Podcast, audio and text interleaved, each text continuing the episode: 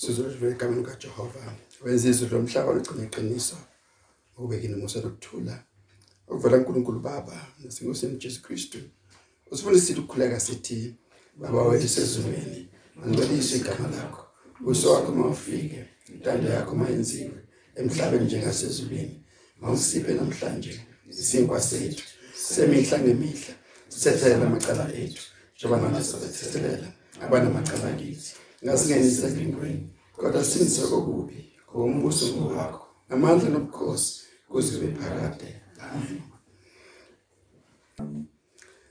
sovuma ukukholwa kwethu sivuma ukukholwa kwethu ngamazwi ayishumi nambili sithi ngiyakholwa uNkulunkulu uyise somandla umdalo wezinomhlaba nakuJesu Kristu.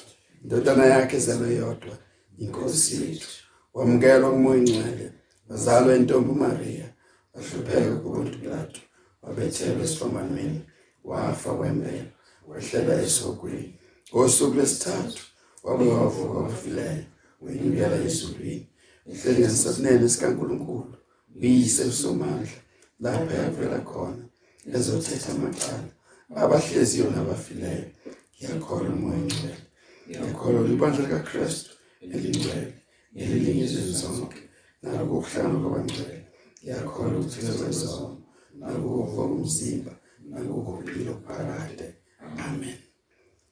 Baba siyabonga usuku siphelana noma singahlanganyelanga nabazalwane bethu bese endaweni ezahlukene besifisa namhlanje siqala unyaka sikanye nawe sihlephula isinkwa sikhumbule ukuhlupheka kwakho sikhumbule inhlanganyelo yabangcwele.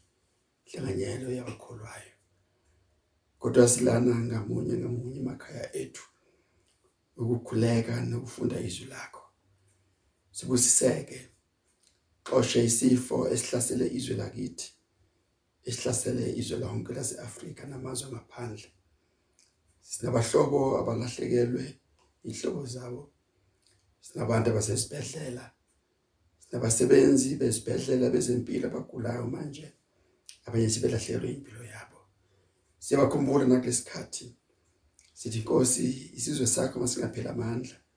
Noma usathane sihlasela ngani sihlasele ngayo kodwa singaphela amandla. Siphe kuphikelela njengezwi lakho olikhulumile endulo wathi phikelelana ungena ngomnyango omncane. Enza-ke inkosi namanje amandla ethu angapheli njengebandla nanjenge abakholwayo bonke. Sibusise. Khuluma izwi nakuthina nangalesikhathi lisheshisa isikhathi esihle. Sheshisa isikhathi sokukhonza kuvulelekile. Sheshisa isikhathi sokuhlanganyela nabangcwele bonke.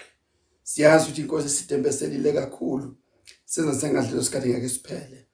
Manje siyabona ukuthi isikhathi esiyigugu ungafanele sidlale ngaso. Kufanele sisebenzise njalo ngoba kofika isikhathi esinjengalesi. Baba kusisa ke izwi lakho sazoliswa ngameni lika Kristu inkosi amen. Amen. Bengelela ke nonke kule family mama bantwana nonke ngibingelela igama likaJesu amen. Amen. Sifunda izwi encwadini kaJohane umpostoli. uJohane isahloko sokuqala siyofunda indima yeshumi sime kweshumi elinane. Gospel of John chapter 1 from verse 10 to 14 Gospel of John chapter 1 from verse 10 to 14 Sengiyafunda ke? Wayekhona ezweni izwe lavela ngaye kepha izwe alimazanga. Weza kokwakhe abakhe abamamkelanga kepha bonke abamamkelayo wabapha amandla ukuba babe ngabantwana bakaNkuluNkulu laba abakholwa egameni lakhe. Abangazalwanga ngegazi intando yenyama intando yendoda kodwa bazalwa nguNkulunkulu. Ulizwi waba inyama wakha phakathi kwethu. Sabona inkazimulo yakhe inkazimulo njengozelo yedwa kuyise. Ugcwele umusa neqiniso. Izwi lakho leli Jehova ibeke enhlizweni zethu silenze. Amen. Amen. Sisesikhathini lapho besibungaza khona ukuzalwa kwenkosi uJesu? Uma sabungaza ukuzalwa kwenkosi uJesu uJohani ufuna ukusikhumbuza ukuthi uJesu wasemaphakadeni lesahluko esifunda kusona indimeni yokuqala usikhumbuza lokho ukuthi eqaleni wayekhona. Ulizwi ulizwi wayekuNkulunkulu ulizwi wayeNkulunkulu konke kwavela ngaye ngaphandle kwakhe akuvela ngalutho. Sikhumbula futhi kuGenesis uma uNkulunkulu ethi masenze abantu. uNkulunkulu esedalile konke simbona ekhuluma nobuthathu emunye ekhuluma noqobo lwakhe. Lizwi wayekhona lapho. Endlana kulamazwi esiwafundile kwindima yeshumi uthi wayekhona ezweni. Umunye uzobuza ukuthi pho ukuzalwa kwakhe nguMaria unina kuqhamuka kanjani? Kodwa indaba ila ukuthi ukuze athabathe isimo sobuntu ngoba lithi iBhayibheli uNkulunkulu ungumoya bonke abakhuleka kuye futhi abakhuleka ngomoya nangeqiniso. Ukuze athabathe isimo sobuntu kwafanele ukuthi azalwe njengomuntu. Kwafanele athabathe igazi nenyama kuyo intombi uMaria akhule phakathi kwabantu ukuze azi ubuthakathaka bethu. iBhayibheli sifundisa incwadi yemaHebheru ukuthi njengoba abantwana behlanganyela igazi nenyama naye uqobo uKristu wahlanganyela kona lokho. Liphinde futhi lisitshela ukuthi wayefana nabafowabo kukho konke. And lokhu kwenzelwa ukuthi azazi izinsizi zethu akwazi ukuhlanganyela entweni zonke wayekhona ezweni. Ngaphambi kokuba athabathe ubuntu egazini nasentombini uMaria wayekhona ezweni izwe lavela ngaye. Uyena odalile konke okubonakalayo nokungabonwayo kuvele kuye. Izwe lavela ngaye. Ngaphandle kwakhe akuvela ngalutho kepha izwe alimazanga. Alimbonanga. Izwe lifuna into eziphysical izwe lifuna into ezibonakalayo izwe lifuna into eziphathekayo. Kodwa uNkulunkulu engumoya Jesu ekuNkulunkulu Jesu engumoya. Alimazanga. Uza kubantu bakhe. Uza emhlabeni wakhe. Uza endalweni yakhe. Kodwa isintu sonke asimqondanga. Abakhe abamamukelanga. Noma sevela ngegazi nenyama esevela endlini kaJosefa esevela endlini kaJuda kaDavide abakhe abamamukelanga uNkulunkulu wenza ngamabomu ukuthi avele okhalweni lukaDavide ukuze bamkholwe bamethembe njengenkosi enkulu yesizwe sakwaJuda njengenkosi enkulu evela endlini yeqhawe loDavide kodwa still abakhe abamamukelanga isimo esibhekene naso namanje emhlabeni sishumayelile izikhathi ngezikhathi simemezelile izimo ngezimo. Abantu bazwile ngezindlela eziningi kodwa abamamukelanga bonakalile amandla akhe izimangaliso zakhe ezenza. Sho njalo ingoma yakithi ithi wozani nibone izenzo zakhe. Qedile kulwa emhlabeni. Waphula umtsalo waqhuma umkhondo. Inqola zempi zishiso zashiswa uJehova Sibawothi kodwa still abamamkelanga nangalesikhathi salokugula esikubonayo kuzophela kuzodlula ngoba uJehova uyinkosi. Kodwa sekudlulile konke ukugula abantu bazosihlala bengamamkelanga uze kubona kodwa abamazi abamazi.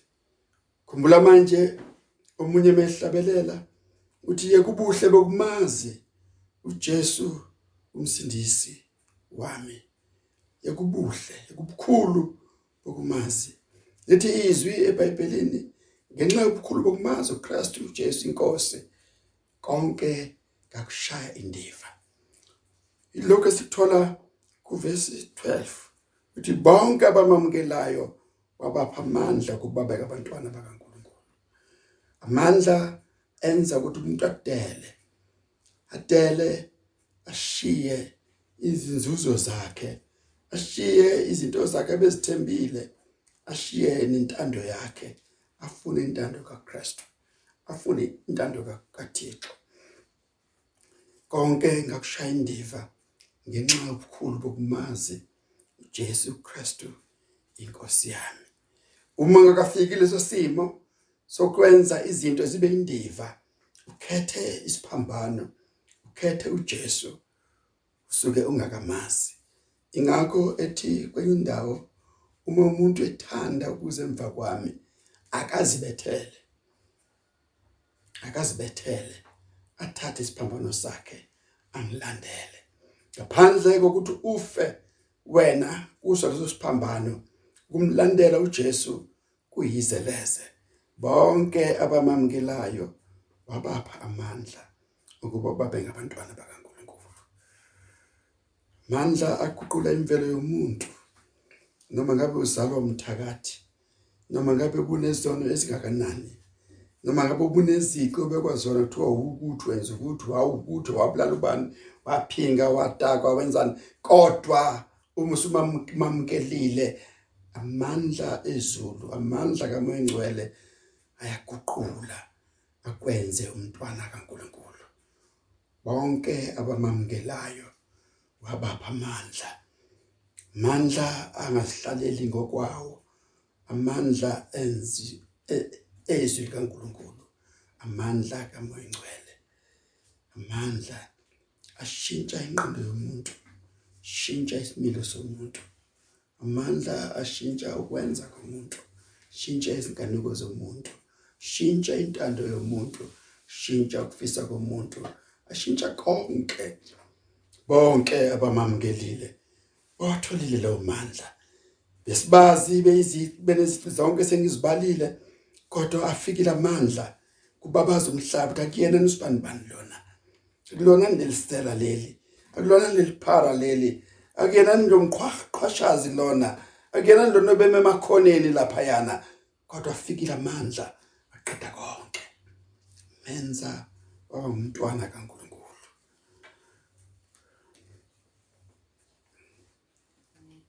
Labo abakholwa egameni lakhe.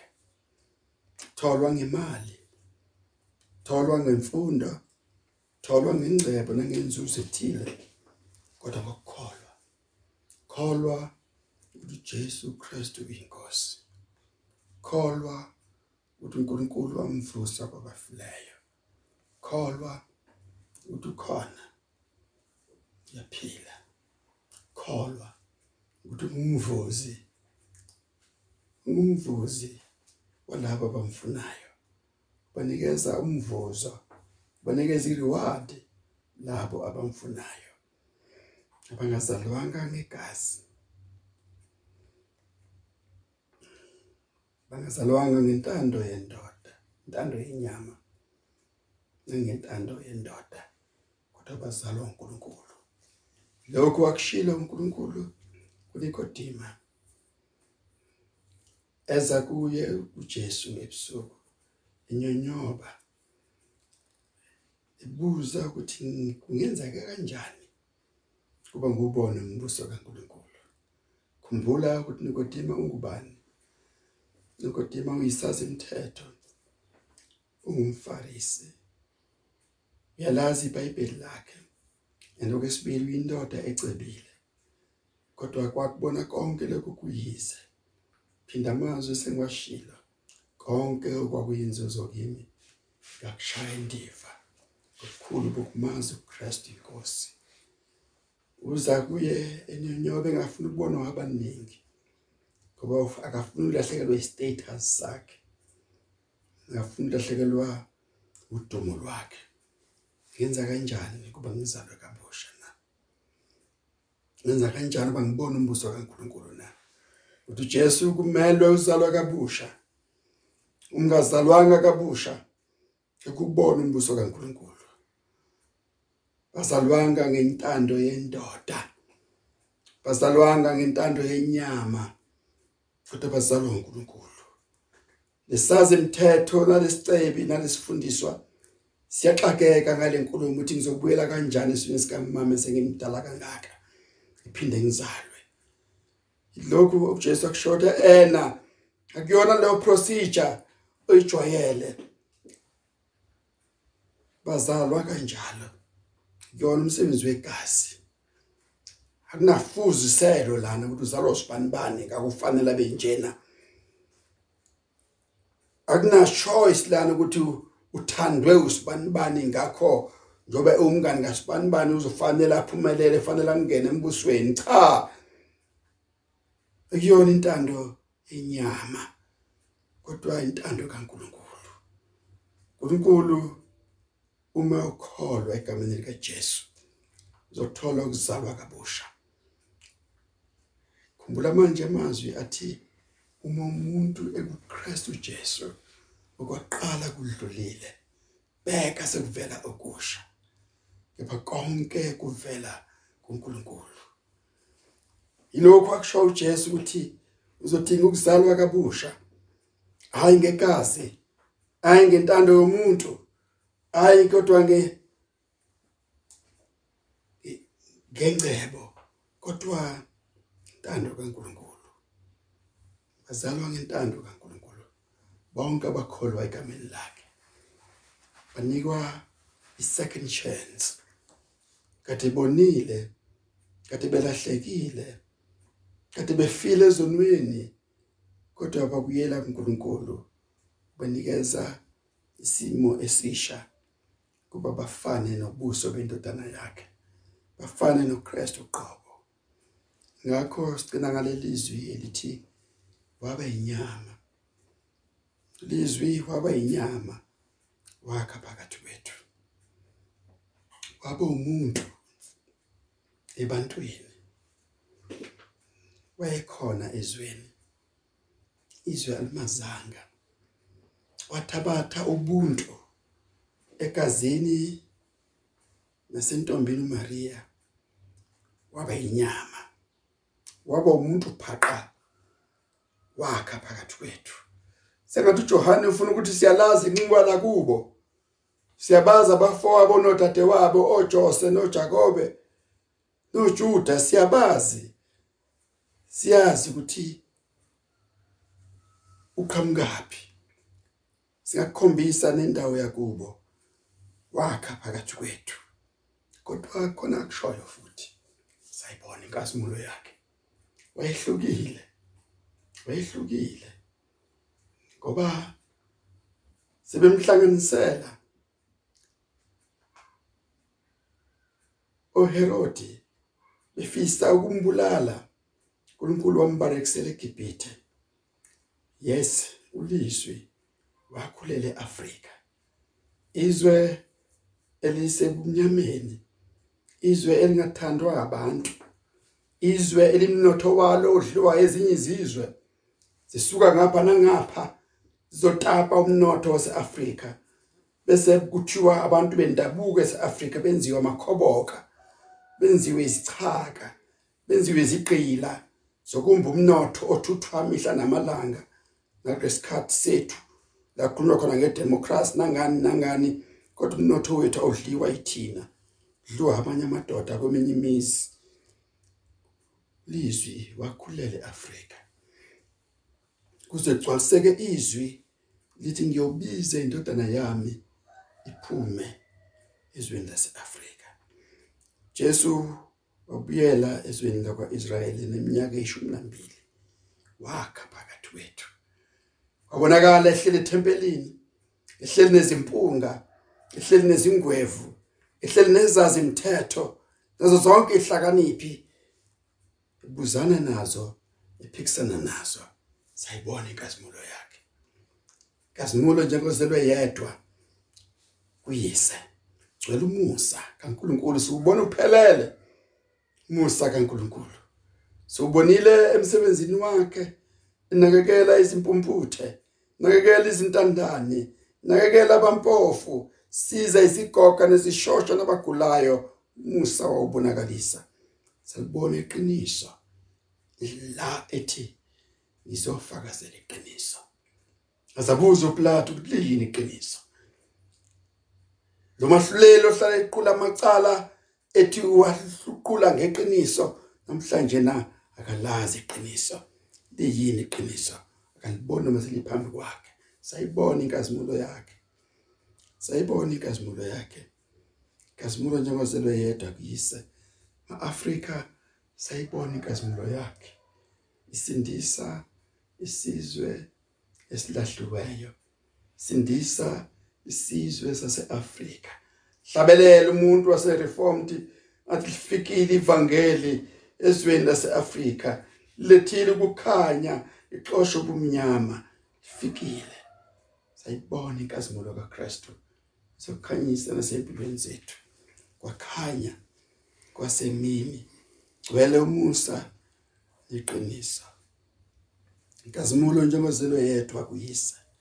Lizwi waba inyama kulonyaka esingena kuona sizwile izwi ngonyuye elithi ngenza konke kuba kusha.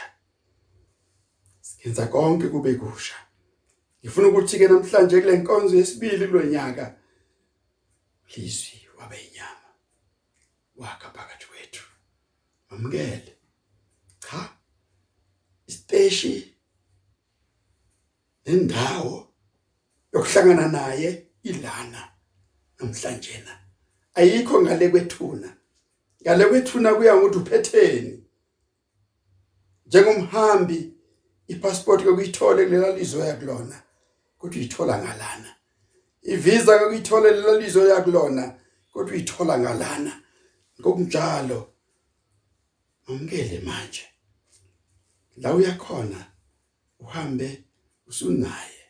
Bonke abamamkelayo wabapha amandla ukuba bengabantwana bakaNkuluNkulu. Kulomkhuhlane okhona lezi zifo ezikhona lemingcwabo ekhona yiba nesiqiniseko ukuthi umamkelile manje.